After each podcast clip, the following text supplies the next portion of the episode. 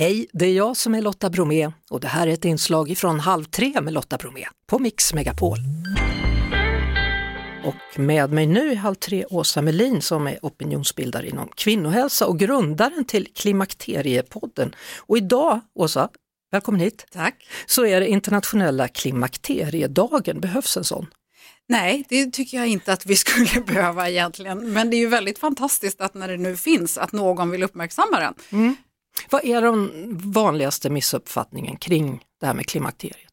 Jag tror att de flesta tror att man är väldigt gammal när man kommer i klimakteriet. Men nu har ju pendeln lite grann slagit över till att vi ser att eh, vi har börjat prata om klimakteriet ganska mycket och då så är det en hel del yngre kvinnor som börjar oroa sig för klimakteriet och det är kanske inte världens bästa utveckling. Det perfekta hade ju varit om vi liksom bara alla kände till den här fasen, alla var medvetna om den och förstod sig på symptomen så att man inte blandar ihop det med någonting annat. Så hur märker man att man är på väg in i klimakteriet?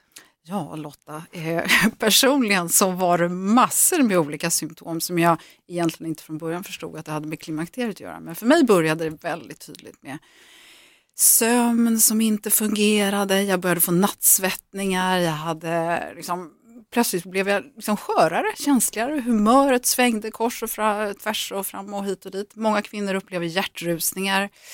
Det här med vallningar och svettningar som man pratar väldigt mycket om, det är ju inte alltid något som kommer direkt utan det kommer ju ofta lite senare.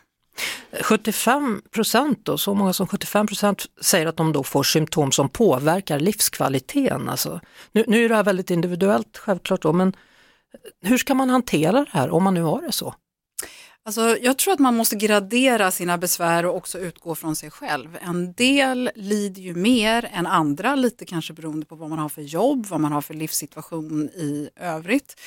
Eh, men jag tycker ju att man ska alltid söka vård om man har så pass mycket besvär så att man inte upplever att man fungerar som man ska i vardagen och eh, man får för stora utmaningar helt enkelt. Mm. Men man ska inte sitta och oroa sig, snart kommer det och vänta, vilken dag Nej, tänk, tänk om det kommer imorgon. Man kan ju sitta och oroa sig, då blir det ju ännu värre, eller? Nej men det är precis det jag menar att eh, vi får inte prata så mycket om klimakteriet som ett proba- problematiskt skede i livet. Klimakteriet är ju också en, en härlig tid som man kan faktiskt passa på att titta lite grann in i sig själv, själv och titta framåt med viss nyfikenhet och fundera på eh, det här som man pratar mycket om i Asien, att det är den nya våren. Kanske är det meningen att vi ska ruskas om lite och eh, tvärtom kunna vara lite härligt intresserad av vad som händer sen.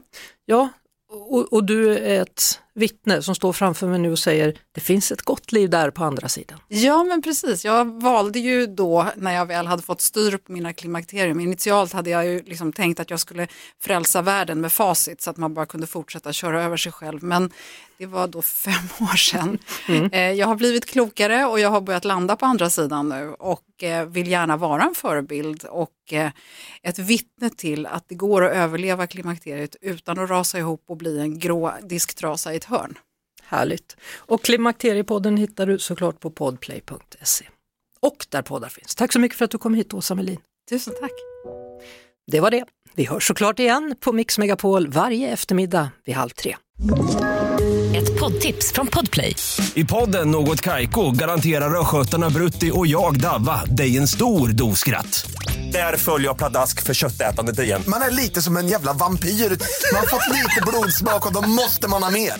Udda spaningar, fängslande anekdoter och en och annan arg rant.